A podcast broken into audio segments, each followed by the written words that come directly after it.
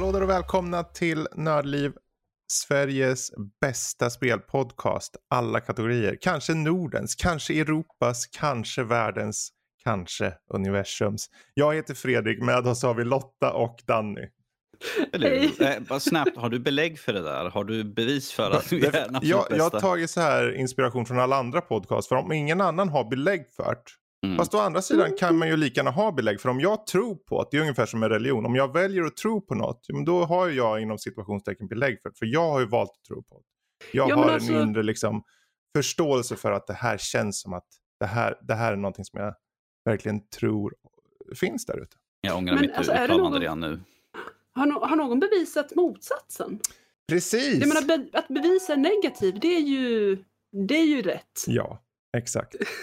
Nej, men det är ju sådär. Många, många drar till med något. Så jag tänkte jag vill också dra till med någonting. Så. Och eh, dagens datum är den eh, sjätte i andra 2021. När vi spelar in det här och det här är avsnitt nummer 293. Idag kommer vi prata lite, det blir nog extra mycket fokus på Final Fantasy 14. Eh, Det har kommit ut lite info om det och sen kommer vi ha lite nyheter angående Uh, uppdateringar av Unreal Engine-motorn och det kan vara en Google Stadia som skippar första part studios. Uh, det kan vara längden på en viss dag med ett visst spel. Och det kan vara goda omen, What Remains of Edith Finch och lite annat smått och gott. Vi får se vad det blir. Uh, och jag kan säga det för er som lyssnar. Är det så att ni inte blivit Patreon än, gör det. Gå in på Patreon, sök på Nördliv och bli en del av oss. Just nu har vi en hel hög med specialavsnitt från Kultpodden. Jag har inte Mhm. ens koll på vad de har gjort för jag vet att Emil har satt samman de här avsnitten själv. Eh, och det är högst udda, eh, superintressanta filmer som tas upp där och det går bara att lyssna på där. Plus allt annat content.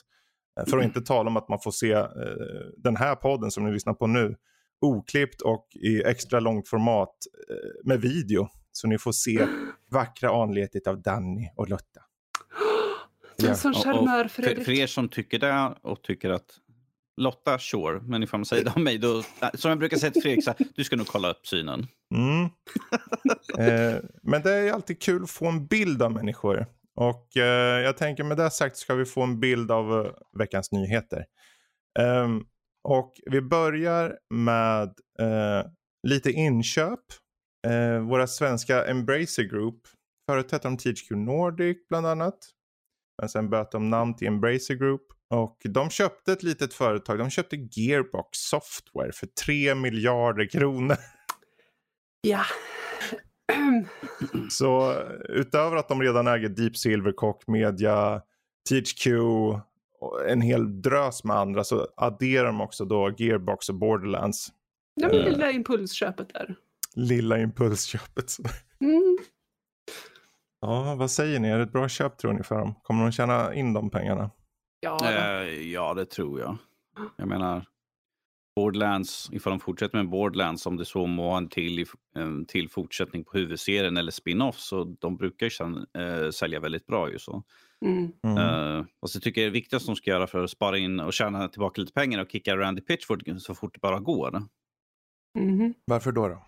Han är en PR-katastrof. Eh, Han, han säger saker, han uppför sig som en... Ja, om vi säger så här, han uppför sig inte som jag ser som en som sitter högsta hönset. Eh, han uttalar sig mycket dumt.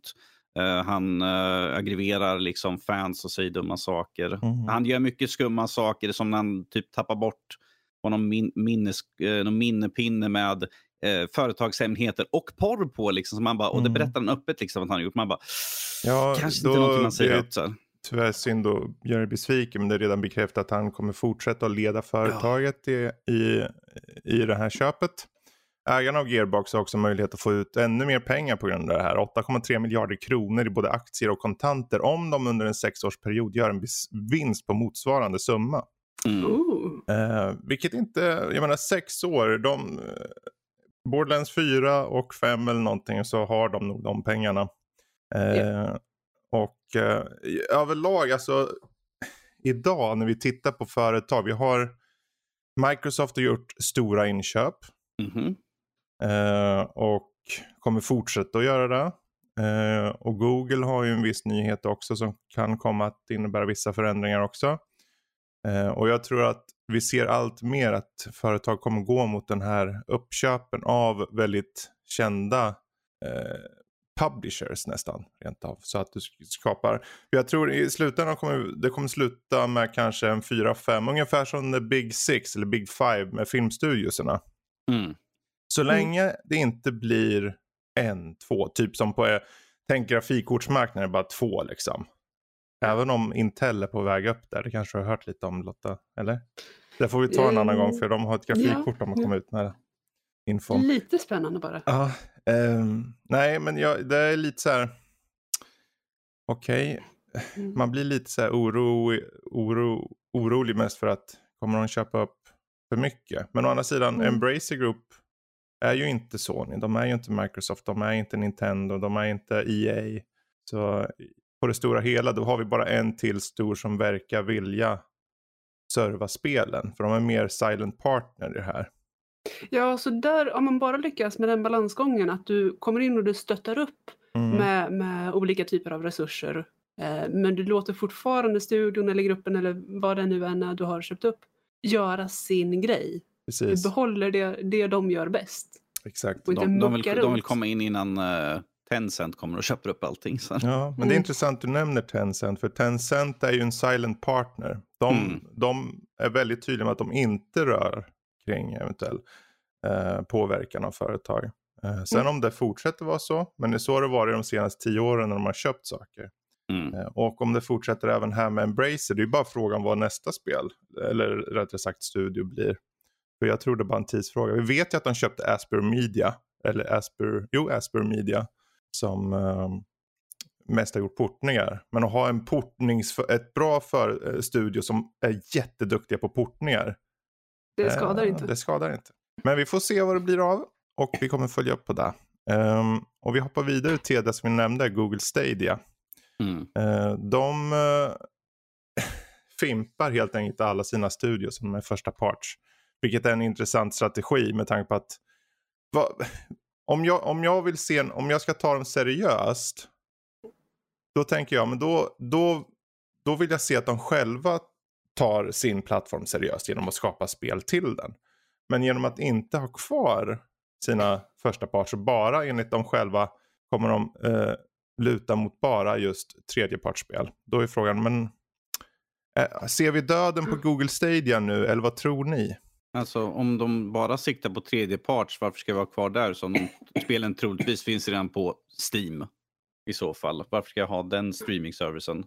Mm. Ja, fast det är ju å andra sidan, jag menar, det finns ju vissa, väldigt många spel Alltså, som det- finns samtidigt nu, på nu, Epic. nu tänker jag bara på mig själv. Jag har en dator som klarar av allting, men ifall jag inte har en dator som klarar av allting, sure, då kan jag ju tänka mig Mm. att kanske ha det. För jag har ju testat servicen sådär. Lite lagg och sådär, men inte jättefarligt sådär. Det var ju faktiskt helt överkomligt. Men ifall man sitter på en bra rigg, och varför inte, varför inte köra på någonting som redan är satt i sten mer eller mindre, som Steam då i så fall. Mm. Mm. Ja, och så alltid när man plötsligt drar, eller plötsligt, plötsligt, det här kanske har varit i, i tanken länge. Men om man drar en stor del resurser från ett håll, betyder det att man pluggar igen hål på andra håll? Eller är det helt Mm. enkelt någonting helt nytt som de vill försöka satsa på, men som de av naturliga skäl inte har delgivet ännu? Ja, det är sant. Så kan det ju faktiskt vara. Eh, För jag menar, någonting måste de ju använda resurserna till. Det är ju inte Precis. som att någon har suttit där och, och tyckt att de gör det här för ro skull. Liksom. ja. Eller? Nej, men exakt. Du är nog inne på något där. För jag, jag satt och funderade på just den här nyheten. För de har varit väldigt tydliga med att de kommer skaffa eh, IPs. De kommer skaffa, de, kom, de, de Mhm. var tydliga med att de kommer fortsätta att att serva sin plattform och att de kommer fortsätta att sikta in sig på tredjeparts. Men det som det egentligen ser ut då, om man läser mellan raderna eller till och med på raderna i vissa fall, så, så handlar det om att om de siktar in sig på IPs, då, de går samma väg som mm, eh, Microsoft. Mm. Så i en värld där vi har streamingplattformar, vi har Luna, vi har Xcloud, vi har nu Google Stadia. Eh, och Microsoft, vad har de gjort på sistone? De har köpt Bethesda för x antal miljarder. Och Mm. de vill fortsätta med det.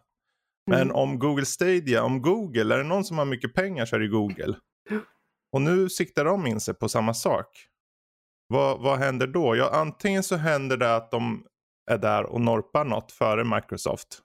Och då Mm. blir det exklusivt kanske på sätt och vis. Eller att de tjänar pengar på att ha på flera plattformar. Men det är exklusivt kanske på, ja men ni får ha det på Playstation, ni får ha det på Microsoft. Eller så blir det tvärtom att Microsoft kommer börja eh, se Mm. till sina studios som de arbetar med att ni måste hålla er exklusiva till oss. Precis, sätter lite eld i baken. Ja. Mm. Så jag har en känsla av att det, Mm. det som vi kommer se snart är att det kommer presenteras uppköp från eh, Google Stadias håll. Mm. Eh. Sen sett till IPn, vilket studion arbetar utifrån vilken producent de har. Men att IP sen ska släppas på deras plattform antingen till viss del eller åt, helt och hållet. Liksom. Även om det är tredjeparts. Liksom.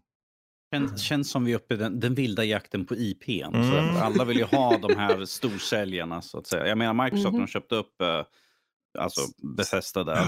Det är, jag menar de IPn som de äger är ju Ja. värda många Precis. miljoner där. Liksom, men då är frågan vad, vad kan de tänka sikta in sig på? För att jag känner att det, det köps Mm. upp så mycket höger och vänster. Mm. Så vad är det för någonting som då kan liksom, som ska sälja också Stadia? Ja, för om det, det är just den eh, att differentiera publishers, studios och IPn. Du kan om du köper och äger IP som, i, som rättighet betyder det, att, betyder inte att du behöver äga studion eller äga publishern.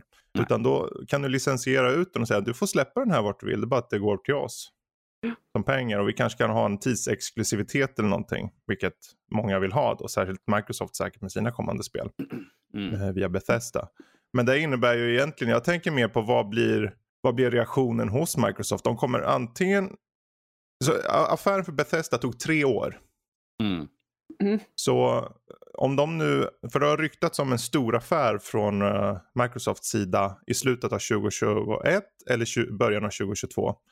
Många Mm. har gissat att det, eller det har kommit ut rykten hit och dit om att det är EA av alla jävla företag. Okej, Eh, det, men, det var ju intressant. Ja, det är intressant, men det får man ta med 17 skottkärror salt. Eh, Oavsett så är de ju i köpartaget. Det är ju bara en fråga om vad de kommer skaffa. Eh, men nu om Google Stadia kommer och vill knacka på axeln och säga nej, vi vill nog trycka för vi har lite, Google har ju uppenbarligen väldigt mycket pengar. Så de två kommer ju slåss och då blir det ett krig där. Och, Ja, det vore ju lite surt ifall Microsoft har suttit i förhandlingsbordet i Mhm. två år så kommer eh, Google liksom in så här, vi höjer med, med en miljard. Vad de än har sagt så höjer vi med en miljard. Mhm, Ja, precis. för någonstans är det ju, för Google behöver ju inte ha första partsstudiosarna. De behöver bara ha IP som säger, som säger att kom till oss så får ni köra spelet X. Mm. Mhm. Eh, så där, ja, Alltså, ja. är det någon typ av krig jag tycker om så är det ju priskrig eller techkrig mellan stora jättar. Det, det blir alltid spännande Ja. för konsumenten. Oavsett, vi får se när vi ser resultat av det här. För det kommer ske saker. Eh, antingen så är det faktiskt att Google bara helt enkelt dödar Stadia förr och senare. Den, den, den möjligheten är ganska stor också. De är kända för att döda sina projekt. Eh, eller så är det faktiskt att de i vanliga fall har de, ju- har de ju dödat sina projekt tidigare. Stadia har ju ändå Mm. levt två år nu någonting. Eh, och de har stängt i regel projekt långt tidigare än så. Eh, Jag, jag kommer inte ihåg vem det var jag såg, men det var någon, när, när Stadia kom ut och då var det folk som spekulerade hur länge kommer det här leva? Och så hade Mm. de en lång lista på allt som Google hade haft, liksom, som stängt ner så här, efter typ Precis. jättekort tid. Så jag bara, mm, ja, Fast jo. det är å andra sidan, varenda publisher har ju studios de stänger konstant. Liksom. Det är bara att vi inte får reda på dem. nej. Eh, Eller bryr sig. Det är bara att i det här fallet vill folk gotta sig som små liksom, ja, skvallertanter sådär. Men det är helt okej. Precis, alla Ja. gör sånt. Fast det är lite tragiskt man får se när det är så här, ja men Studio X hade det här spelet under utveckling. Här har det läckt ett, ett gammalt filmklipp. Man bara, åh, jag hade velat fått det här spelet. Ja. Sådär. Det är Som- surt. Mhm. Ja, precis. Det, det gör lite ont. ja. Men eh, vi hoppar vidare till ytterligare ett inköp eh, som blir bekräftat nu. Och det är att Codemasters blev eh, approved att bli köpta av EA för 1,2 miljarder dollar i Mm. bud. Så nu är det väl egentligen satt i sten då. Mm. Ehm, Ja. Ja, jag vet inte riktigt vad jag ska säga om det. Det, det är ju Vem var det som var, hade biddingen? Take-Two tror jag det var. Take-Two, ja precis. För vi tog upp det, det är ju det är ett bra tag sedan. Och Mm, Jag tror det var innan EA ens hade kommit in i bilden jag tog, när jag tog upp den här nyheten. Då, så. ja, de, kom ju, de Mm. hade ju ett bud. Sen uh, toppade Mm. EA med en miljard över deras bud. Ja. Har vi Ja. pengar så vi Ja. slänger lite extra Alltså mycket. I- EA har haft ett helt fantastiskt förra kvartal. Jag tror vi snackar 8 miljarder någonting dollar. Något. Eh, och det var ett kvartal. Mm. Det Mhm. luktar mikrotransaktioner. Det är ju typ 80% av deras jävla inkomst känns det som. Tyvärr ja. Ehm, nu drog jag det Alltså, där de bara ur behöver arslet bara- så ni vet. Men uh, Ja, men de behöver ju bara köpa King och sen är det klart liksom. De EA, mikro- Ja, de på tal om äger väl King, gör de inte mikrotransaktioner. det? De gör det, ja det ja, inte. Men... De äger King. Det var, de, det är de, de de visade så här, på, de hade ju årsstämma, de visade att det var typ 16% av eh, inkomsterna för hela året. King. Ja, jag är inte förvånad. Oavsett, nu är Codemasters eh, på väg över till EA och all den här, alla racingspel eh, ser ut att bli hos eh, jag blir lite så här, jag är jävligt orolig alltså. Visst, eh, Jag tänkte säga Ah, du hur, tog hur den här kurvan jävligt dåligt i ditt racingspel.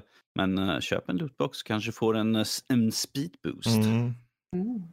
Speed boosts. Ehm, Vad, vad tror du skulle kunna vara det värsta de kan göra med racingspelen? Jag vet inte, det är så svårt att säga för det är en genre som jag känner, jag vet inte hur de ska implementera sitt typ av tänk. Men om jag, ska, jag vill vara lite positiv här och tänka så här att de har ju bytt ledning till viss del och de har Respawn-ledaren som uh, styr och ställer nu. Och Respawns senaste spel är ju Jedi Fallen Order som i sin tur eh, kommer få en uppföljare och hela den här idén om att ha singelspel ser ut att ha bärt frukt. Och ser ut att Mhm. vara någonting som de vill gå vidare med. Eh, Så vad gör då tillägget av Codemasters? Det är den mest rutinerade racing eh, publishern och studiosarna i världen. De har hållit på sedan 80-talet, de har jättekända serier och det är en så här direkt, om, du, om, du är, om, om någon säger racing, eh, spelracing, då tänker de Codemasters. Det är bara att nu vill EA att de ska tänka EA. Så jag hoppas och tror att de låter dem bara fortsätta med sitt. De har ju redan Need for Speed, de har Criterion Games, de har, gjorde, de har ju Burnout-licensen och så som de inte har gjort något med.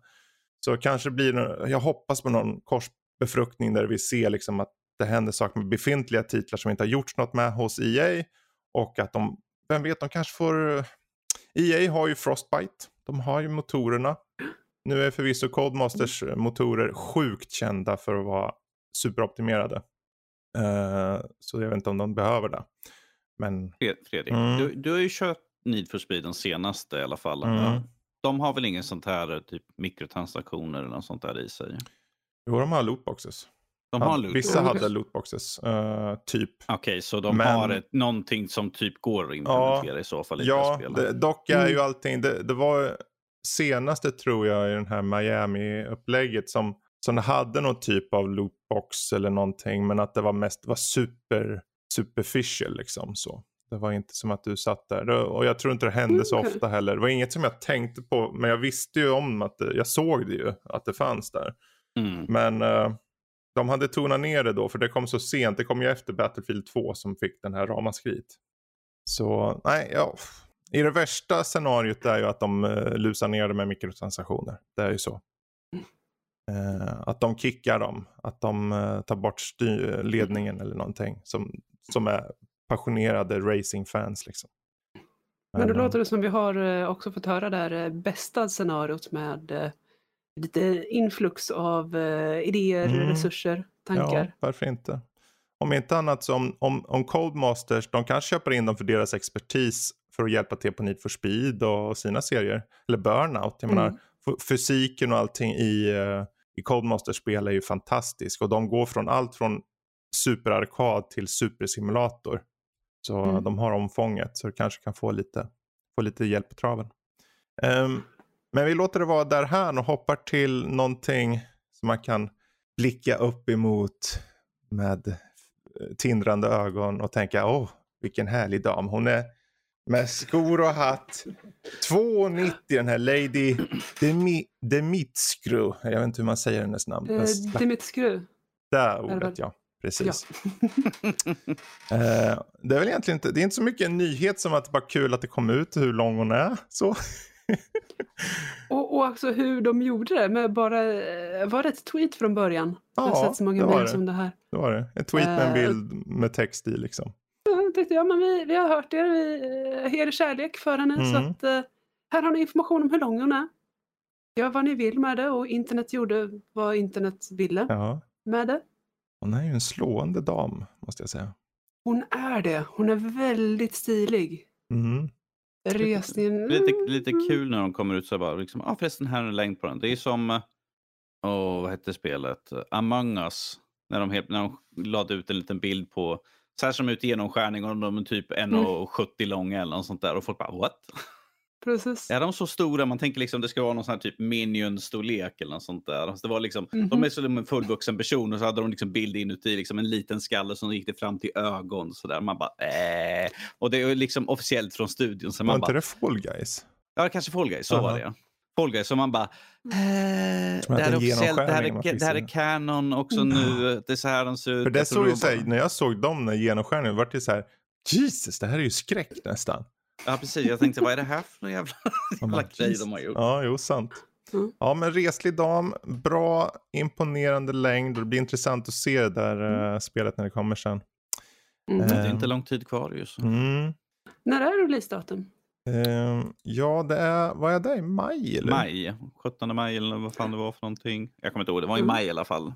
F- eh, 17 maj. 7 maj 7 maj. är det. En sju i alla fall med där. Ja. Jag var nä- väldigt nära. Precis. Ja, därifrån. Ja, och jag tänkte, in- vi ska strax gå in på lite Final Fantasy, men innan det tänkte jag ta lite snabbt angående Nvidia DLSS 2.0. Som, och det här är Mm. så här supertorrt för er som lyssnar nu, men eh, just nu så har det visat sig att Nvidia kommer lansera den här Deep Learning Supersampling tekniken i eh, Unreal Engine. Mhm. Och då tänker man, ja men what's the big idea? Är det, är det väl inget nytt? Det, väl, det finns väl massor med spel som har det. Ja men Un- Unreal Engine är en av de mest använda motorerna som finns. Eh, och om den här då uppdateras, jag vet inte hur det funkar, kan man, om ett spel har Unreal Engine 4.22, går det att Mm. uppdatera det spelets motor? Ja, det gör det. Ehm, det är klart att ju större, ju mer komplext spelet eh, är, desto jobbigare blir det. Mm. Och vissa uppdateringssteg är ju naturligtvis jobbigare att ta än andra. Mm. Ibland så är det bara inte kompatibelt. Nej, just det. Ehm, men både Unreal och, och Unity är också formidabla motorer båda två Mm. och fruktansvärt lätta att använda. Ehm, har ju väldigt bra verktyg för att hantera sådana här grejer. Mm. Och just när det är någonting som ligger så långt i bakgrunden så tror jag inte att det ska vara några större problem om du inte gör ett för stort hopp här. Ja, just det. Hmm. Ja, intressant. Eh, För de skriver i en bloggpost Mhm. eh, eller blogginlägg om det här då att eh, integrationen då med Unreal Engine 4.26 kommer vara lätt. Det kommer bara kräva att du gör en compile på ditt projekt med ett speciellt Unreal Engine 4 RTX branch, kallar de det här. Mm. Och du behöver då applya din app-id. Det här kanske säger dig mer än oss andra. Eh, vilket då kan bara applya via Nvidias hemsida. Eh, och vad det här då kan innebära att du kan se upp mellan 60 till 180 procents ökning av framerate i spel. Lilla Vilket, skillnaden. ja, det är, ju en, alltså det är ju enormt egentligen. Sen kommer det ju finnas variabler kanske som vissa undantag som är, lång, som är under och kanske vissa som är väldigt mycket över. Men rent generellt där omkring och det är ju väldigt imponerande siffror. eh, Mhm, med tanke på en, en spelmotor som finns fan överallt. Alltså. mhm. Men jag menar, deep learning är eh, farligt spännande. Mm. Eh, just det här att du kan, om du ger det tillräckligt med verktyg och rätt verktyg och har någon form av vettig träningsdata då kan kunskapen i det här systemet, i programmet, springa iväg Mhm. något groteskt. Det är så Precis. häftigt att se. Just det, det som eh, har pratats angående DLSS så, i negativ ton då är egentligen att det finns ju så få spel. Mm. Eh, så att om du sitter på en Nvidia-kort, de drar med så här reklamkampanjer, bara DLSS, det får det att spela att funka och så är det typ 20, 30, 40, 50, spel. jag vet inte hur många spel det är, men det är inte liksom tusentals spel. Men Mm. det, det kommer i alla nästan, många nyare spel och har de gjorts i samar, samarbete med Nvidia så är det i regel alltid där med. Och Mm. jag som själv använder det, ju fort jag ser att det finns, då på med skiten bara. Det hjälper alltid jättemycket. Och eh, det uppsjö av Unreal Engine-spel som säkert kommer. Jag tror vi kommer se en eh, bra användning av det. Det enda som är tråkigt att på konsolerna som nu släpptes, det är ju AMD-kort. De har ju inte Mm. stöd för DLSS. De ska ju släppa sin version någon gång i framtiden. Men den dagen den Den. kommer när den kommer. Ja. Oavsett, Så det är lite Ja. tråkigt. Men eh, det kommer dit också. det kommer dit också. Vad som kanske inte har DLSS-stöd det är ju Final Fantasy 14. Eller har det det man tror? ja, det är klart det har. Det Ja. har allt. Allt som är bra finns i Final Nu Fantasy vill jag 14. höra. Det har släppt, det var, det var en showcase i natt. Mm. Och eh, Final Fantasy 14 har fått en bunt nyheter. Vad, om du drar, vilka är de största nyheterna då? Ehm, det största som de har sagt rakt ut, eh, förutom det förväntade ny level cap, så är det en ny expansion och det kommer vara den sista expansionen i det här arket. Mhm. Jag gick runt med väldigt många andra och var jätteledsna för att vi hade hört att det skulle vara den sista expansionen. Mm. Och när de eh, avslöjar namnet Endwalker, Ja. Jaha, okej, ja, nej men det var, det var det då. Men det är ju bara var sista kul så länge det expansionen. varade. ja, men lite så. Men det är bara sista expansionen på det här arket. Ja, okej. Och eh, vår eh, kära Yoshi P, eh, producenten, har lovat oss att så länge eh, CEOn vill ha honom kvar Mhm. så ser han eh, Final Fantasy 14 som ett projekt han kommer vara kvar på och arbeta på livet ut. Så att vi tänker hålla honom till det. Mm.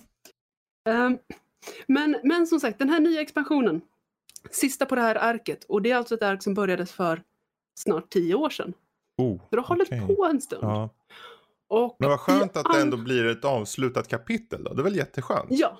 ja, men jag tror faktiskt det blir bra för att det är ju trådar. Jag, jag är så imponerad av författarna för att det är ju storytrådar, berättelser som påbörjades i första expansionen, Mm. i, i Realm Reborn, i Vanilla, Mm.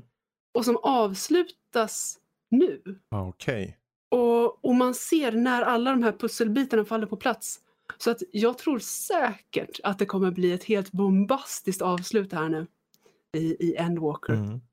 Det, det, Men- det skulle, man skulle ta det som jämförelse, det är som vi skulle få alla, eh, hela MCU som skulle liksom, äh, vi lägger ner innan Endgame. Så här. Ja, precis. Wha- What? Hang on. Ni kan, inte bara, ni kan inte sluta nu, vi måste få ett avslut på det hela. Ja, precis. Och alltså bara, bara det att, att Final Fantasy 14 lever är ju ett halvt mirakel eh, som Mm. vi attribuerar eh, den fantastiska Yoshi P. Jag tror, jag Eh, tror det är mycket tack vare Max och Lotta för de sitter där inne hela tiden. De bara, vi försöker stänga ner den jävla servern. Och De sitter två nötter kvar hela tiden. Du vet, vid alla de här anniversaries, in-game eventen som kommer varje år när, när en karaktär som uppenbarligen är Yoshi P eh, kommer och tackar spelaren. Det är ju egentligen mig och Max Mm, specifikt mm, mm. tackar. Ja, ja, så är det ju. Uppenbarligen. Mhm. Och Ogge naturligtvis, vår vän som också spelar på Max. Ja, för jag tänker... Eh, Men, men förutom det här Mm. då, de vill inte avslöja för mycket för att den här showcasen har de då istället för Fanfest som brukar ha live eh, på plats varje år. En i Japan, en i Europa, en i Nordamerika. Eh, och det tänker de inte ha i år av förståeliga skäl. Så de kör online istället. Och det här är då eh, del 1. Nästa kommer i mitten av maj, Mm. 16 maj. Kommer de sitta på Eh. nålar ända fram tills dess? Oh yes, och då kommer det vara hela, de brukar alltid ha en stor konsert vid något av de här tillfällena. Och det kommer vara då. Och eh, eftersom folk inte kan komma och se dem och de vill ha så många som möjligt och delta i det här så är det helt gratis onlinebiljetter. Bra. Så att, eh, skadar inte om Mhm. du vill höra fantastisk musik framförd av fantastiska musiker. Och dessutom, you know, lilla detaljer med information om Endwalker nästa expansion. Mm. Och de har avslöjat att det kommer till två nya klasser, eller två nya jobb, Okej, som det heter i Final ja. Fantasy 14. De har avslöjat det första, och det är en Sage. Det är en healer. Och eh, det har skapats ett antal memes eh, som basically går ut på att eh, I'm a healer, but jag känner att den här rollen kanske passar mig. Okej. Mm. Ska arbeta mycket med sköldar och skada. För att kunna Är du vår sköldmö då alltså? Oh yes. jag, jag är antingen den som liksom står bakom och säger okej pojkar, gör inget dumt nu. Eller så är jag den som springer fram längst fram och tycker charge!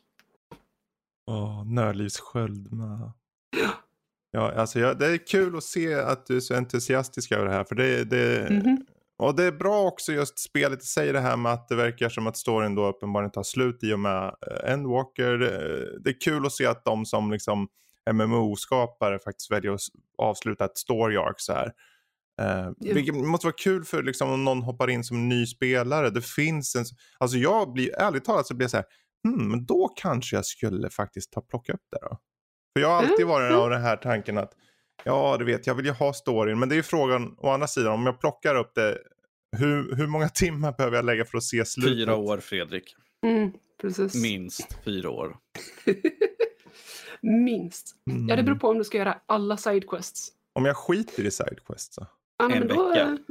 Ja, ett par veckor. par veckor. Um, I och för sig, beror på hur mycket du spelar. Ja, det har varit de som har tagit sig upp till vad som nu är endgame eh, inom loppet av, jag tror det var två veckor. Okay. Samtidigt som jag jobbar heltid. Mm. Så att det går att göra. Eh, jag håller inte med om den spelstilen för att jag tycker man ska suga i sig så mycket av den fantastiska berättelsen som möjligt. Mm. Men alltså det kommer ju bli så coolt! Och de har avslöjat, de har avslöjat eh, ett av de nya områdena. För det kommer två nya ja. områden i den här expansionen. Har avslöjat ett av dem och lite hur det ser ut. Eh, det kommer också nya housing district. Eh, man kan skaffa sig ett eget hus, antingen som person eller som free company, som, som gille typ. Um, och, ska, du, ska, du, och Max skaffa nytt hus nu eller? Ja men vi har ju redan ett hus som ligger i fantastiska eh, Lavender Beds. Ja men ni måste ha ett, eh, en sommarstuga ju. Ja. Sant, sant. Ja, skadar inte. Och det här kommer ju hamna i det, det sköna Ishgard. Som kanske inte är stället för den som är rädd för kyla men eh, som man själv har fått med och hjälpt bygga upp om man har en crafter eller gatherer. Inte Då har man... Det låter som, ett, låter som ett ställe för mig där. Lite så här. Jag tror du skulle digga Yrskard. Om du tänker kyla och drakar så har du ganska mycket av grejen. Ja men se, då har jag liksom, jag har kylan där och sen är liksom kaminerna slocknat. Perfekt. Nu, nu brinner den igen. Så att ja, det, det, det, det, springer ju loss här med teorier om vad den andra klassen är. Mm. Den fantastiska Yoshi brukar alltid ha på sig en t-shirt med någon form av spoiler på sig vad klasserna kommer okay. bli för någonting. Så att eh, bland annat nu så har vi teorin att det skulle kunna bli någon form av Reaper class. Vi vet att det kommer bli en melee DPS. Eventuellt, kanske möjligtvis, springa runt med en stor lie och, och skörda. Din, to, din tonart säger precis vad vi, vad vi redan trodde. Ja, ja, ja kanske det, jag vet inte riktigt vad du menar. Kanske eventuellt möjligtvis när jag tröttnar på att hila folk pratar, genom att skada. Hon pratar mellan tänderna för att inte liksom, ja det kanske är en klass för mig. Ja. Buktalar. Nej då, jag ska vara mörda alla jag ser. Man bara, what? Mm, jag är snäll. Okay. Ja men det är spännande ändå att det kommer. Vi, mm. när, det har inget datum än eller har det? Det kommer, oh, det kommer, det kommer redan i höst. Det kommer i höst? Det har, och vi tror att vi kommer få datum eh, nu i, i mitten av maj. Mm. Det... Så, vi, om... så, vi, vill tacka Lotta för vi kommer inte höra så mycket av henne i höst. Den här väl släppts. vi ser henne nästa år. Ja men alltså det, oh, Jesus. Och det, det, hade ju gått jättemycket teorier i och med att eh, huvud, huvudwriters mm. och, och, musiker har börjat jobba på Final Fantasy 16 nu. Tänker man, ja men okej, och så hör man de här ryktena om, om Endwalker, den sista expansionen, shit nu släpper de mm. men det kommer fortsätta, de kommer avsluta ett fantastiskt story arc ja. mellan Hydrin och Zodiac. Uh, och det, alltså, det kommer bli så episkt. Kommer det vara juggans gott? Du, det kommer vara så joggans gött att, att få höra den här berättelsen så du anar inte. Ja, vi var bara nöjda att få in ja, det. jag kan ju säga är man en Playstation 5-ägare så kan man få beta-testa spelet redan den 13 april.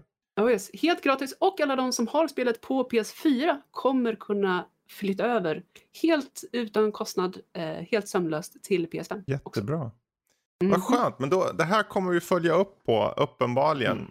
Uh, och med flit faktiskt säga. vi kommer försöka yes! följa upp men vi kommer inte få tag på Nej, vi kommer sitter, inte få tag på De sitter uppkopplade hela tiden. det blir, då har vi en sån här stående punkt som faktiskt innebär en massa nytt intressant content och vi har en Lotta som är extas. Mm. Det är perfekt kombo. Oh, liksom. yes.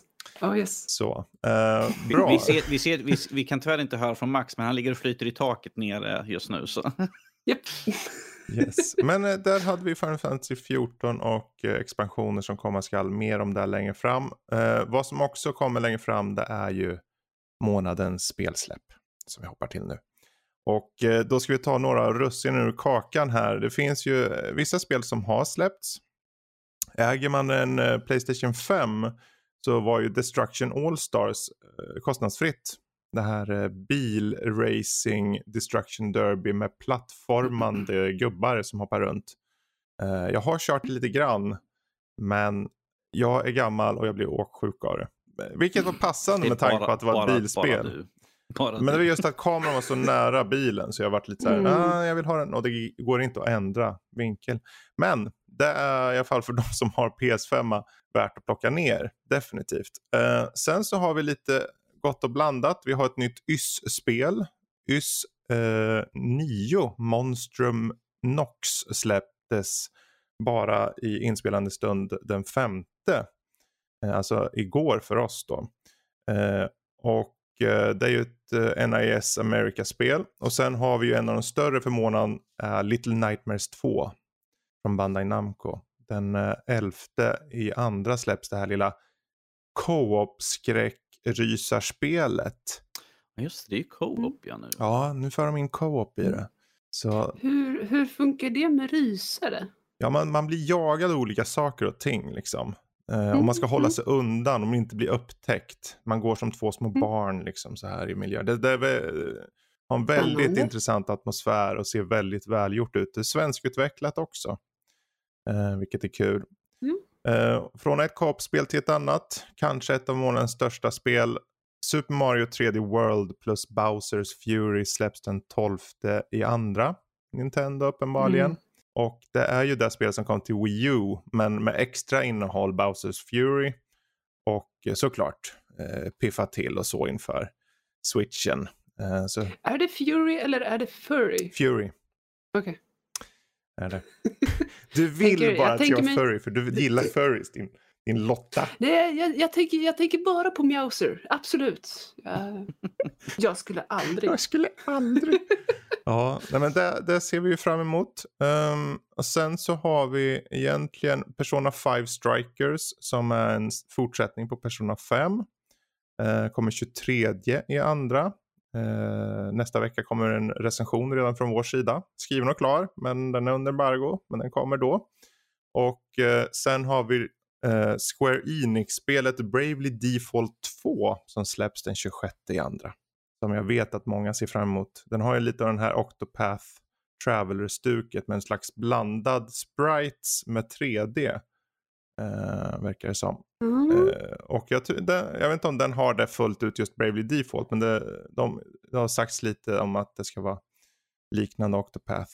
Men ehm, där har vi några av russinen ur kakan. Jag vet att vi också har Emil, vår lilla regissör nere i Göteborg. Han gillar ju retro-shooters. Han ser fram emot Wrath, Eon och Ruin som är en sån här Quake-liknande Mm. mm. skjut allt som rör på sig i 100, tu- 100 km i timmen typ sådär. Där, från the 3D realms liksom. Så det kan säkert vara något att hålla koll på. Men där har vi de som står ut lite under månaden. Så tar vi och hoppar över istället till vad vi faktiskt själva kanske har sett eller spelat. Och eh, vi börjar hos Danny som har kört What Remains of Edith Finch. Vad är det för något? eh, Det är kort och gott lite grann om en walking sim. Lite utforskar. Eh, vi får följa Edith Finch som eh, kommer tillbaka till sitt hem efter att ha- helt enkelt de flyttade därifrån Mm. för att de hade för mycket otur följde efter dem. Uh, Edith Finch kommer från en, en släkt som kommer från Norge. Eh, och de flyttade från Norge för att de var otursförföljda. De hade familjemedlemmar som dog höger och vänster och de tänkte att eh, vi tar och flyttar iväg och tar med oss vårat hus. För såklart gör man det. Tar, sätter sitt hus på en båt och åker iväg. Eh, problemet är att eh, båten kapsejsade och huset sjönk så oturen försvann ju inte. Det här är mer eller mindre att man får följa Edith eh, när hon går igenom huset. Eh, hon, går, hon går till de olika rummen där hennes släktingar, till exempel hennes bröder, hennes eh, morbröder och sånt har bott. Som alla har dött på ett eller annat sätt. Och så får man typ eh, en liten historia som man får gå igenom som berättar lite grann om karaktären och hur de kom till sitt ödesdigra slut. Eh, det är en väldigt rörande historia egentligen för att hon, hon går, allt hon gör egentligen är att hon skriver det till sitt ofödda barn för att kunna förklara för barnet liksom vad, hur hennes familj är och var. Eh, för man får ju höra liksom om hennes bror som bara försvann och de har ingen aning vart han tog vägen och sånt där. På, man kan gå till liksom en grav och det står liksom bara vilka år han är född. Sen står det ingenting mer. Det är mer ett monument. Uh, och man får höra om hennes, hennes morfar som var den som tog dit huset. Odin uh, hette han. Passande namn sådär. Uh, mm. han, han, han dog när de, han som som sagt uh, tog huset dit och han sjönk med båten. Så mm. han kom inte så långt. Men det väldigt intressant spel eh, för man kan gå och utforska. Det finns massor. Det är väldigt intressant hus. Jag gick igenom huset och tänkte så här, fan, jag skulle utan problem ha det här huset. Det är liksom, eh, för, man, för eh, mamman som sagt låste dörrarna till alla de här rummen där de här personerna bott. Så man får smyga i små lönngångar emellan. Jag tänkte, Åh, mm. tänk ifall vi hade haft sådär när vi var små. Mamma hade aldrig hittat oss, så vi hade gömt oss mm. från henne. Eller sånt där. Ja, det är väldigt, väldigt intressant. Det är, det är inte det längsta spelet. Man kan ta sig igenom mellan eh, två, tre timmar. Uh, så det är väldigt mm. snabbt spelat, men en väldigt rörande historia faktiskt. Det låter som att det har väldigt nära till att ta upp eh, lite tuffa ämnen. Det låter inte som ett barnspel. Nej, jag skulle inte säga det. För att uh, i en, en, historia så är de två tvillingbröder och den ena brodern, man ser, man ser liksom den ena brodern, han står liksom vid kanten från bord typ eh, på kusten. Så man, mm. De har staket liksom, sen är det typ stupningar för. Och den ena brodern var liksom så här att bara, ja, han sitter och gungar. Han bara, jag kan få den att snurra helt och hållet runt. Så man sitter och liksom trycker för att få honom att åka fram och tillbaka så att han kommer högre och högre till slut. Man snurrar, man snurrar, man snurrar och well, ni kan gissa vad som hände sen efteråt för att alla gick en ond bråd död mer eller mindre så att säga. Men han hade alltid önskat att han kunde flyga så... Mm. Uh, mm, Ouch. Mm, precis. Och det är lite, det är ju historien som berättas, man får ju också med det här familjedramat mellan eh, mamman och hennes mor och sånt där och familjerelationer och sånt där. Eh, det, är inte en, det är inte en sån superglad, det är en väldigt melankolisk historia. Så där, men det, jag tycker den ändå den är väldigt intressant och den är väldigt men rörande. Alltså att man så... interagerar med folk då får dramat eller är det bara att det berättas för en? Liksom, eller vadå? Du typ spelar igenom en, en liten historia som man, man, man hittar till exempel en dagbok så så öppnar man upp den så börjar det läsas ur den så kommer man in i en liten historia som man får följa. Okej, okay, och så liksom, ser man karaktärer och olika och så då? Ja, man går igenom lite grann av deras små berättelser, mm. vad som hände med dem. Okay, men interagerar man med dem samtidigt eller bara i berättande form då? Liksom? Det är bara i berättande form. Uh, det är inte att man pratar med folk eller något sånt där, utan du till exempel en så, det är typ första eh, första familjemedlemmen som jag tror hon heter Molly. Hon är typ fem år eller något sånt mm. där. Hon, liksom, hon, hon, har liksom blivit uppskickad på rummet för att mamma var upprörd på henne så att hon fick gå utan mat. Så hon okay. går omkring liksom så här. Ja, men det finns en morot inne hos hamsten. Så, så, och sen går hon och äter upp tandkräm och så ser hon en fågel utanför. Så hon öppnar upp fönstret och så börjar hon berätta. Liksom, och helt plötsligt ser jag en katt och så hoppar man ut. Man ser liksom två framben på en katt. Och så jagar man efter fågeln och sen, hon bara, sen hoppar jag efter mm. fågeln. Och men man ser det här den. alltså? Det här, ja, ja. Nej, alltså, du spelar det här ju mm. så. Och sen plötsligt mm. är man en haj som floppar runt på marken, ska man försöka koppa ner, rullar över vägen och ner i vattnet. Och där liksom jagar man efter en säl. Så det är, det är lite så här, det är barns ja, berättelse. Mm. Det, det, är ju lekfullt liksom. Det är väldigt mm. lekfullt och det är liksom baserat på de, de karaktärerna. En var en före detta filmskådis och så får man liksom hennes sista hurra som mm. på ett på ett sätt man kanske inte vill. Sådär. Men att det är ett väldigt intressant. Uh... Ja, och den, den mm. finns ju verkligen överallt. För den finns ju på Windows, alltså på PC, PS4, det, Xbox One och, och det, Switch. Det här, det, har, har, man Game Pass så finns mm. det där på. Så. Det är så jag spelar ja, det. Men som sagt. Alltså jag, jag är en eh, sucker för bra ljudbild och musik. Och särskilt i den här typen mm. av spel. Hur skulle mm. du säga att det är? Uh, jag, jag säger bara särspelare. Definitivt värt att det är väldigt bra mm. och, och, man har hon, hon Edith, hon berättar, hon har liksom dialog hela tiden man går runt. Det kommer upp text som flyter i luften så alltså där hon berättar. Liksom. Man, när man går runt i huset och utforskar så berättar hon lite saker om allting. Mm. Som typ viktiga saker. Är det långt eller? Kör man det på? Ja, två, två, tre timmar okay. kanske.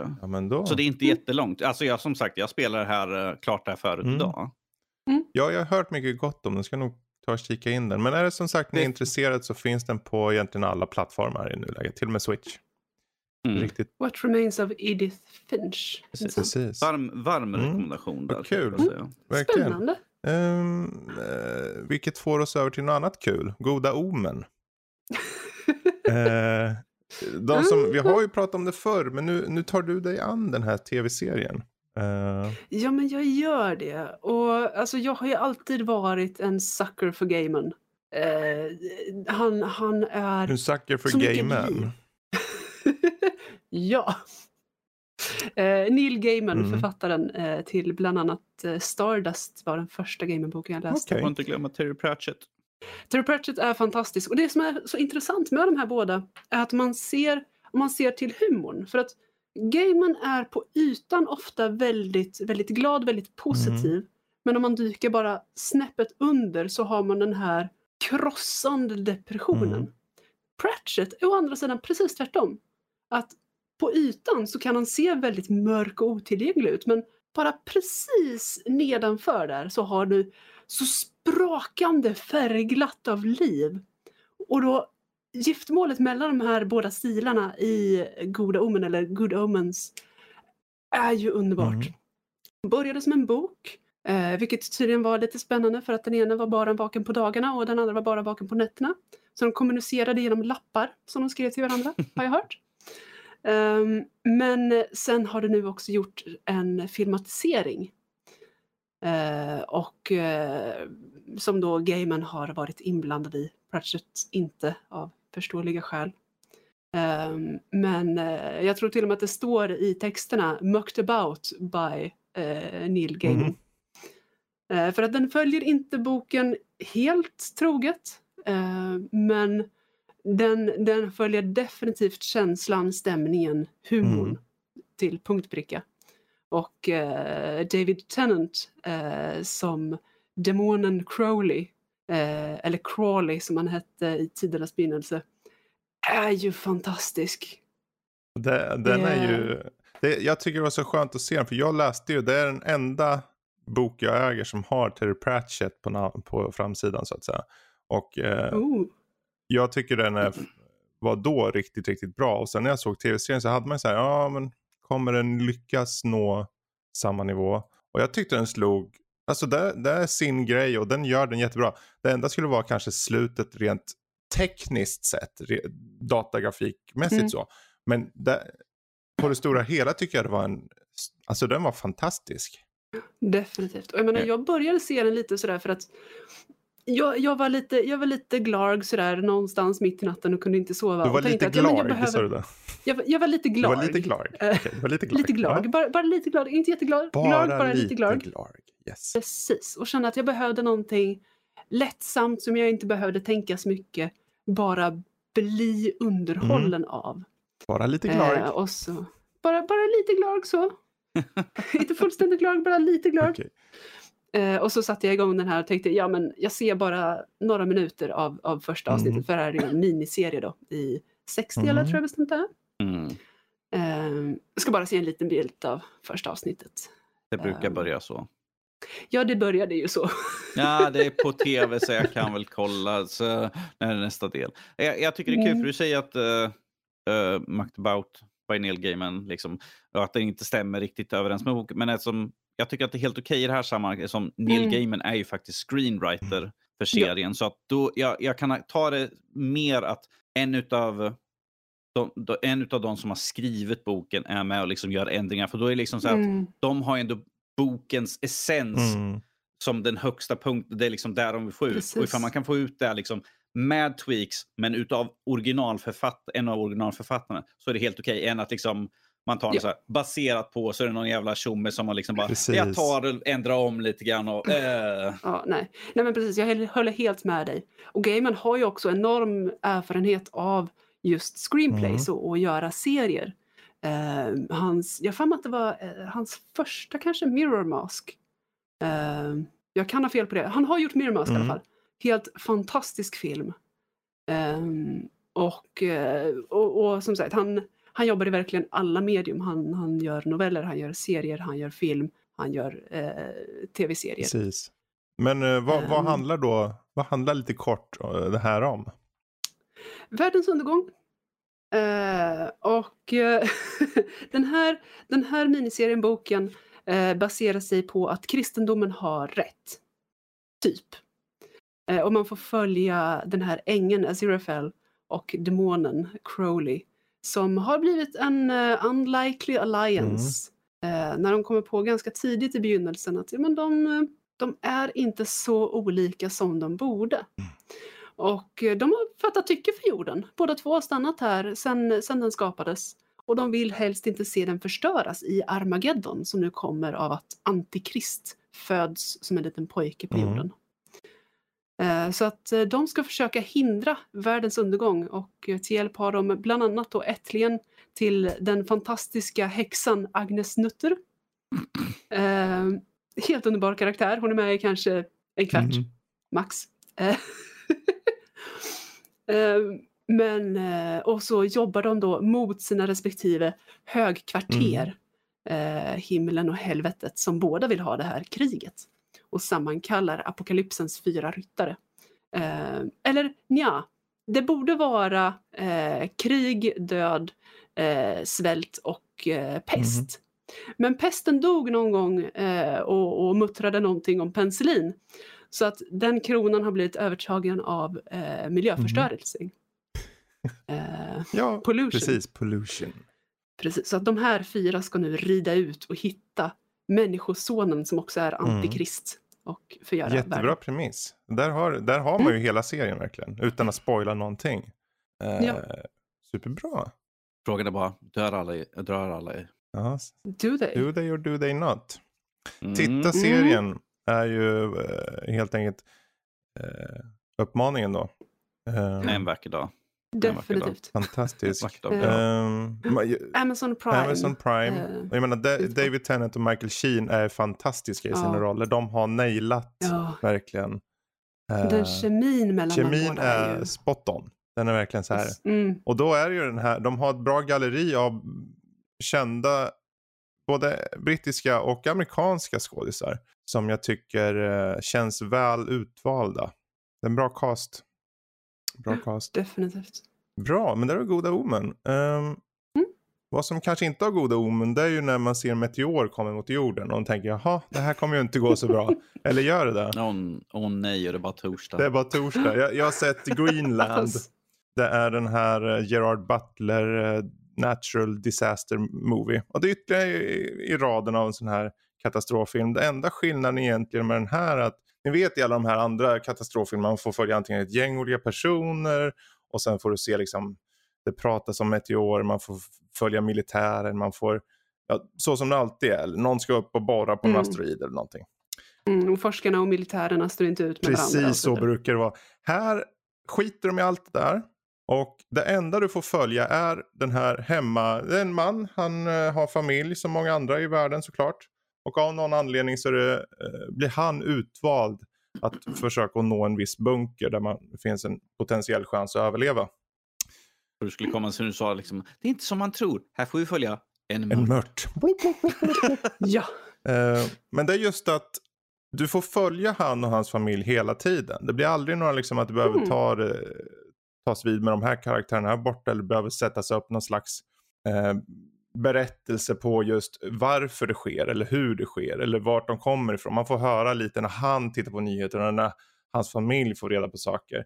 Men det är liksom helt hållet fokus på honom och hans resa tillsammans med familjen.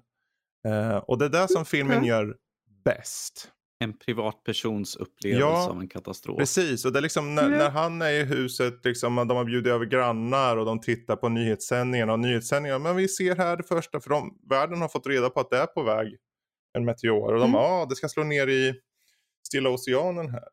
Um, mm. Det var bra. Och sen sker inte det. Det var märkligt. Jaha, den slog ner i Europa istället.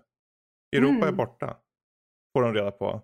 Och sen så kommer ännu Aj, mer. Jag, jag, jag, vill bara säga att katastrofen slutade precis nedanför Örebro. Ja, vi hoppas det. Men det är just att, den här, att man får se just hur de försöker mm. överleva. För det blir ju såklart uh, folk bara försöker överleva. Uh, mm. Och försöker ta sig till det. För de, de flesta får ju reda på att det finns sätt att kanske överleva i de här bunkrarna eller vad det är. Så det blir som en slags race för att nå det. Uh, som film är den ju väldigt den är ju kliché också på många sätt och vis. Och det är ju inte som att du sätter dig med den och tänker att undrar hur det här kommer gå. Uh, mm. Men den är välgjord och den har ett bra drama i sig. Jag varit förvånad över att han kunde faktiskt, för jag, jag ska väl erkänna, jag var lite så här fördomsfull angående Gerald Butler. Eh, Han har inte gjort de bästa nej, filmerna på 300 har sistone. han gjort och han har gjort uh, Fantomen på Operan och lite sånt. Ja, men de senaste, de här presidentfilmerna, jag kommer inte ihåg vad de heter. Ja, eh, Angel London has och fallen där. och London has fallen. De och... var ju liksom så här, man bara... Ja, det var middle road Ah. action-rulle så. Och den här är fortfarande, jag menar Gods of Egypt var med och det var den sämsta filmen på väldigt länge. Å andra sidan var han med i Draktränarfilmen och de var, de filmerna och de var jättebra. Men eh, Ja. Greenland, Är han med, är han med i Draktränaren? ja han är pappan till uh, pojken.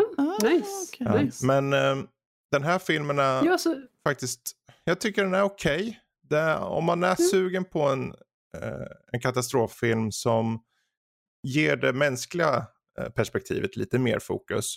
Även om det finns klichéer, det finns lite det här uppenbara saker som kommer ske och du kan gissa dig fram till saker. Men det, den är fin sett till det personliga dramat och det är där den gör bäst. Då rekommenderar jag. hur reagerar man som person, Ja. som make, som pappa, Ja, som precis. För när han får ett... Han jobbar med, han konstruerar byggnader. Han är en arkitekt liknande, han är en sån här entreprenör. Eh, han är inte superrik, han är bara en snubbe som bor i liksom suburbia liksom. Eh, men av någon anledning är det han som har blivit utvald. Och då blir det indirekt hans familj. Men hans son har ju uppenbarligen då, självklart har ju sonen typ så här diabetes eller någonting. Så då får de problem och så blir de separerade. Lite så här, det blir lite kliché. Men just, när han, just den här situationen som uppstår att han får det men andra inte får. Och de, mina grannar är mina vänner men vad ska jag göra? Ska jag säga? Ja, det, just de aspekterna tyckte jag var Precis. ganska intressanta. Ehm, I den mån de var, Mm. togs upp i alla fall. Så, men är det som man har möjlighet så jag tror den finns att, hyra och köpa och allting. Den här har ju funnits ett litet tag tror jag. Ehm, om inte annat så kommer den säkert på en streamingtjänst nära dig snart. Ehm, Spännande. men eh, det är frågan om jag ska avsluta med lite Turken. Turken Ja. Flashback. Go on. Go hela on you naughty boy. Tell us about Turrican. När jag var liten. Mm. Ja, gud. När jag var ung. Nu, nu blir det jag som länge, bara ska ta lite Glarg här tror jag.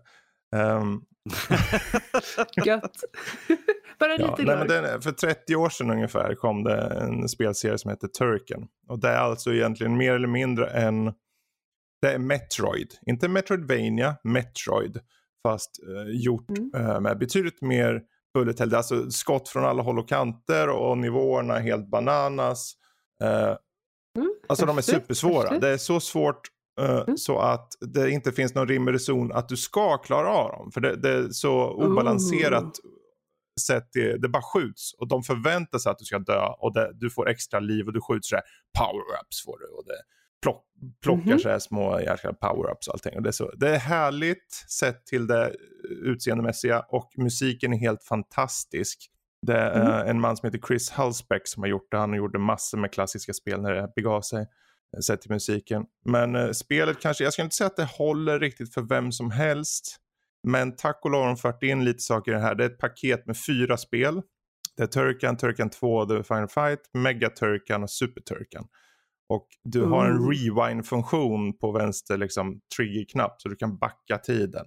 Vilket behövs. Mm.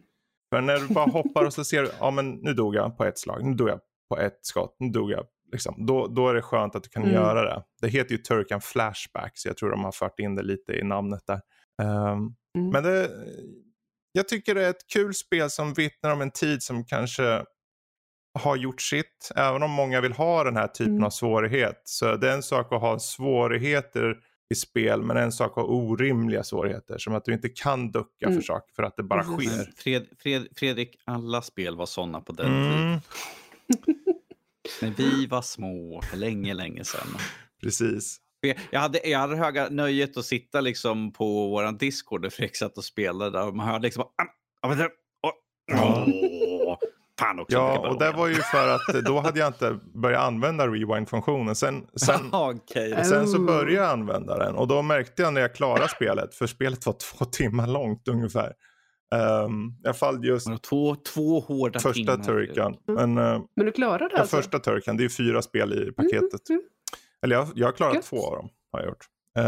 Stiligt. de, de säger ju remasters, men det är inte, jag vet inte om jag skulle säga att det är remasters mer som det är bara gjort för att det ska se lite piffigare ut på, på switchen som jag körde. Det är, bara, det är bara lite mer hodifiering. Ja, typ. Då.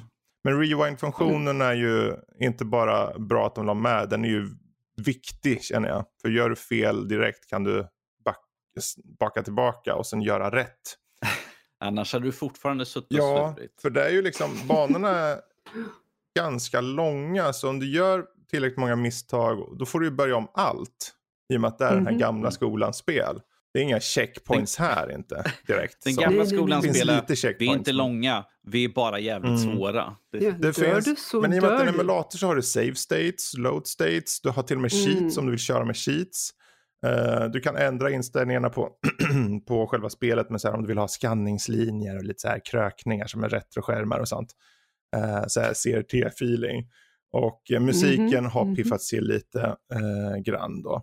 Men det är stora nivåer, det är så här action på hög nivå och uh, bossstrider som det kan vara allt från stora handskar med motorer på som slår ner eller en stor boss som hoppar över dig och skjuter samtidigt. Det här klassiskt Metroid liksom. Och du kan förvandla det till en Mm. boll och du kan känna, hitta de här power-ups och få olika typer av skott. Eh, och hitta extra liv och sånt. Så det är väldigt old school samtidigt som de har fört in den här rewind-funktionen som behövs. Annars skulle nog varenda jävel sitta där. Men det här går ju, det här går ju inte att köra. Och det går ju inte att köra egentligen alltså. Om du inte har det. Perfekt. Välkommen till våran barndom. Ja, typ så. Så att om det är så att man, man accepterar den typen av svårighetsgrad, den typen av känsla i spel, som sagt sent 80, 90, Ja, början på 90 vad blir är det? det. Början 91 till eh, 94 är de här spelen tror jag. Mm. Eller 90 till 94 däromkring. Uh, Du sa att man kunde hitta det på Switch? ja, du, hit, du hittar den på Nintendo Switch. Jag har inte koll på om den kommer till andra format. Men den kommer ligga på runt 300 spänn. Eh, Mm. Och eh, ja, alltså det är ju fyra spel men de är alla ganska korta om du klarar dem. Och om, De kan vara väldigt de kan korta. vara väldigt korta. Men eh, Mm. överlag så är de nog, det tar en stund eh, att köra dem. Och- du har ju valet också. Du kan, om du tar din tid och lär dig, för de, problemet också, banorna är ju dessutom på tid. Om du inte, om Of du inte klarar ja. det på tid, då dör du och får börja om. Så Of inte course. nog med att du måste liksom undvika allting. och du måste få extra liven, för de har ju de har typ Mm. 150 hemligheter på varje bana också. Alltså det är så old school det här. Men det är bananas, det är bananas. Det är inte perfekt på något sätt, men det, det har den där uh, tillbakablicken som kan vara skönt för vissa av oss här ute i alla fall. Och gillar man Metroid så varför inte testa? Det är inte så dyrt. Men där har vi i alla fall Turrican, uh, Turrican Flashback. Eh, Och jag tänker vi ska ta och runda av, men innan vi rundar av så ska vi kolla på förra veckans uh, Discord-fråga. Och då var det ju angående så här specialtillbehör till er konsol eller dator genom tiderna, vilken ni känner varit mest underhållande. Ställde vi då på vår Discord-server. och eh, egentligen så har alla, nej inte alla, men merparten av människor har röstat på Guitar Hero-gitarren som sin favorit. Eh, Har Mhm. ni kört Guitar Hero? Klassiker. Ja, det är klart. No. Jag har faktiskt inte gjort det heller. Jag skulle vilja testa, men nu är det Det är spännande. Eh, annars så har vi ju klassiker som eh, Dansmattan, eh, Mm. Wii Wheel, alltså den här Wii-ratten. Mhm. Eh, och eh, exempelvis Wii Fit Balance Board var det någon som också röstade på. Eh, så det har funnits lite röster på andra saker. Ness Sappern också, den här pistolen tror jag det är. Oh. Jag, körde alltid och la, satte pistolen direkt mot tvn. Så jag bara, nu kommer jag träffa. Den jävla änden flög iväg. Fan är det Och så här? skjuter du i dig själv. Bara, Ja, precis. Ja, typiskt. Eh, men eh, det är intressant att se i alla fall att folk har röstat och uppenbarligen har det ganska enkelt val där för många med uh, Guitar Hero-gitarren. Eh, och är det så att ni vill också vara med i den här omröstningen som kommer nu strax så är det bara att gå in på nördliv.se, se den där lilla Discord-rutan som finns och tryck på connect så kommer ni rakt in. Bli en del av gemenskapen, prata om film, tv. Eh, Lyssna när eh, Fredrik eh, spelar spel och Ja, dör. Om och kan man få göra faktiskt. Vi hänger mer och mer där. Vi har haft en del uh, om- ur communityt som hoppar in och pratar med oss och vi börjar lära känna folk ännu mer. Det är jättekul. Mm. Eh, Kom och prata med mig om eh, varför du ska eh, låta din teammember gå ner till nästan inget HP innan du den precis, och ni kan ju också prata med Lotta om ni bara är nyfikna på vad tusan Glarg egentligen betyder. Alltså vad det exakt betyder. Faktiskt. Så eh, Mhm. hoppa in på Discord då. Men då är frågan, vad är, nästa, vad är veckans Discord-fråga? Och då, då kommer det vara, nu ska vi se, vi tar, vad, vilken är er favoritfilm i katastroffilmsgenren? Det kommer vara ett eh, antal olika förslag. Så eh, hoppa in i omröstningar-kanalen på vår Discord. Rösta för glatt, glatta livet så får vi se om rätt film vinner. Vilken nu det kan vara. Har, har ni någon favorit eh, katastroffilm? No, inte, inte så jag kan komma på raka. Jag, jag kommer på den här San Andreas och eh, 2012. Just De det. jag kommer på just nu. Mm. Så. Eh, Men eh, det är inte några favoriter, det är såna här bara... Det är ju många som stunden. älskar Armageddon till exempel. Mm. Armageddon. Ja, jag äger den faktiskt på DVD. ja, du ser. Fast det, det är bara mest för jag vill se Steve Buscemi. Han sitter så bara, I, the, I wanna feel the power between my legs. och de binder fast han liksom bara, "God, God, let me go. Nu får du sitta fast I wanna blow it up. Ja, jösses. Ja, Cloverfield är också väldigt sådär. Det, Just det. Det, det är mysig.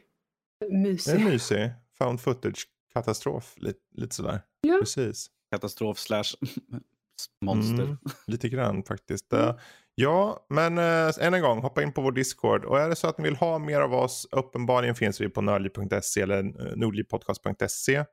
Och ni kan antingen mejla till oss på info.nordlivpodcast.se eller bara gå ut på eh, ja, Twitter, Facebook eller Facebook och då är det at nordliv.se på samtliga. Bra, men då ska vi ta och runda av här och förhoppningsvis njuta lite vidare av den här kvällen. Men med det sagt får jag tacka Danny, jag får tacka Lotta och så tackar jag för mig så får vi bra och hörs nästa vecka igen. Hej då! Tack så mycket för att ni lyssnade. Hej hej! Hej!